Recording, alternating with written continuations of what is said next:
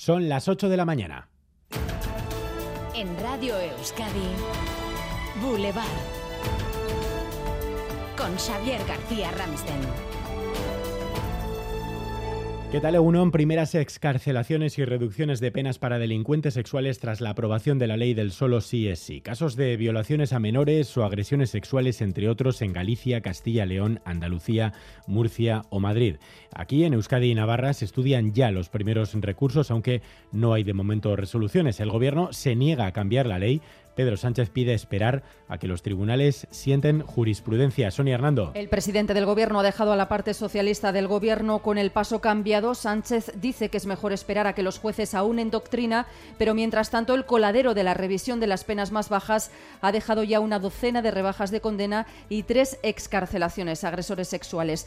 Todas las asociaciones judiciales, desde la más progresista a la más conservadora, dicen que la grieta está en la ley y el Consejo General del Poder Judicial estalla contra la ministra Montero por tachar de machistas a los jueces. En media hora en Boulevard hablamos con el juez decano de Bilbao, Aner Uriarte, y a las nueve y media lo abordaremos también en nuestros diálogos con Iñaki Anasagasti, Carmen del Riego, Antón Losada y Pablo Iglesias. Y en los diálogos también estaremos con la alcaldesa de Aramayo, tensa, muy tensa asamblea vecinal, otra vez ayer con los responsables de la empresa noruega Statkraft.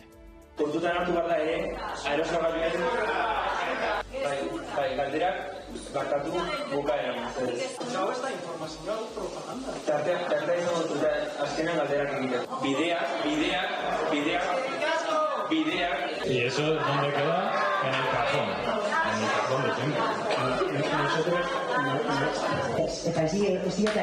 Bueno, pues no se entiende mucho, pero sí desde luego que hubo mucha tensión en esa asamblea, lo dicho enseguida la alcaldesa de Aramayo en Boulevard. La empresa lo que insistía, lo que decía es que este es un proyecto aún incipiente, que la ubicación propuesta es provisional y que los afectados podrán presentar alegaciones. Y a las 9 de la mañana hoy hablaremos de centros de menores. El diputado general de Álava, Ramiro González, lo anunciaba ayer aquí en Boulevard.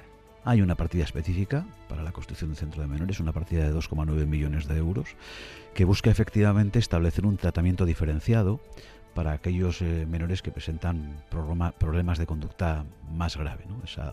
ese análisis, ese diagnóstico lo habíamos realizado ya desde la Diputación Foral de Álava, eh, intentando mejorar la atención a los menores. El año que viene empezarán a construir ese centro. La fiscal superior del País Vasco, Carmen Adán, pedía recientemente centros específicos en Vizcaya y en Araba para los jóvenes con conductas graves similares al único que existe en Guipúzcoa, eh, decía la fiscal superior. A las 9 ampliamos este asunto en Boulevard. Antes repasamos otros titulares con Leire García.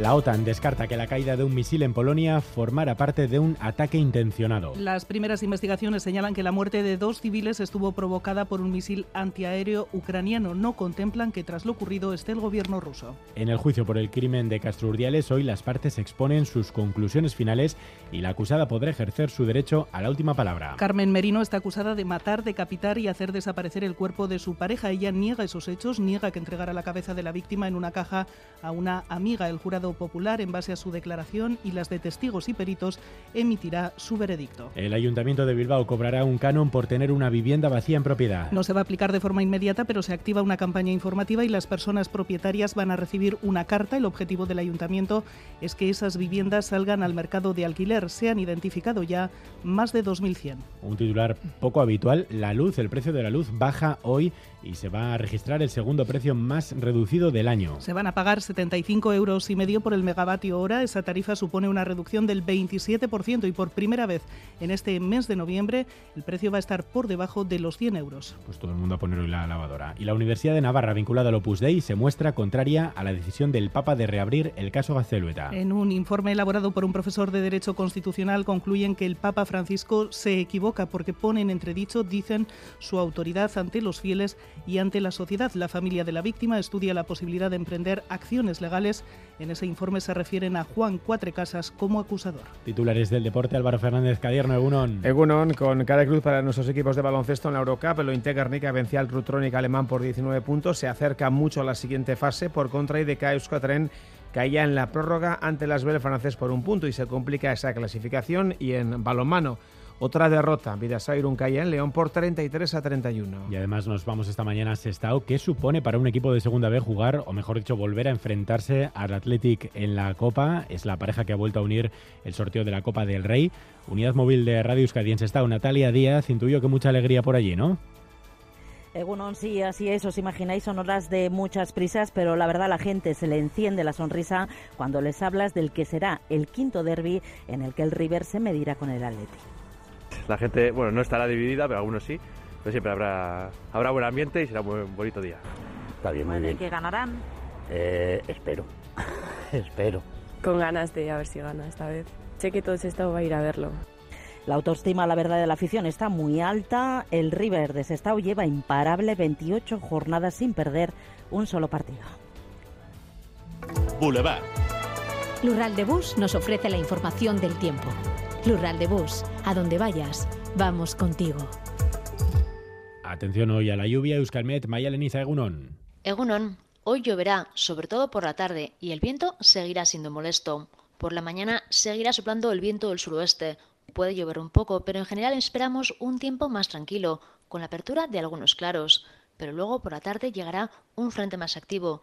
El viento girará a oeste-noroeste, con rachas fuertes en la costa y se darán chubascos. Más abundante es la vertiente cantábrica, incluso se puede dar alguna tormenta. Además, con el giro del viento notaremos una bajada de las temperaturas y por la tarde refrescará de forma notable de modo que la mañana será tranquila, pero para la tarde vuelve la lluvia y el tiempo más desapacible. A esta hora tenemos más o menos 16 grados en la costa y 11-12 en el interior. Egunon, 16 grados en Aldacao e Igorre, y de momento sin lluvia. Egunon, iruritan amairu grado terdi eta xinimiri. Egunon, oñati, 15 grados, agur.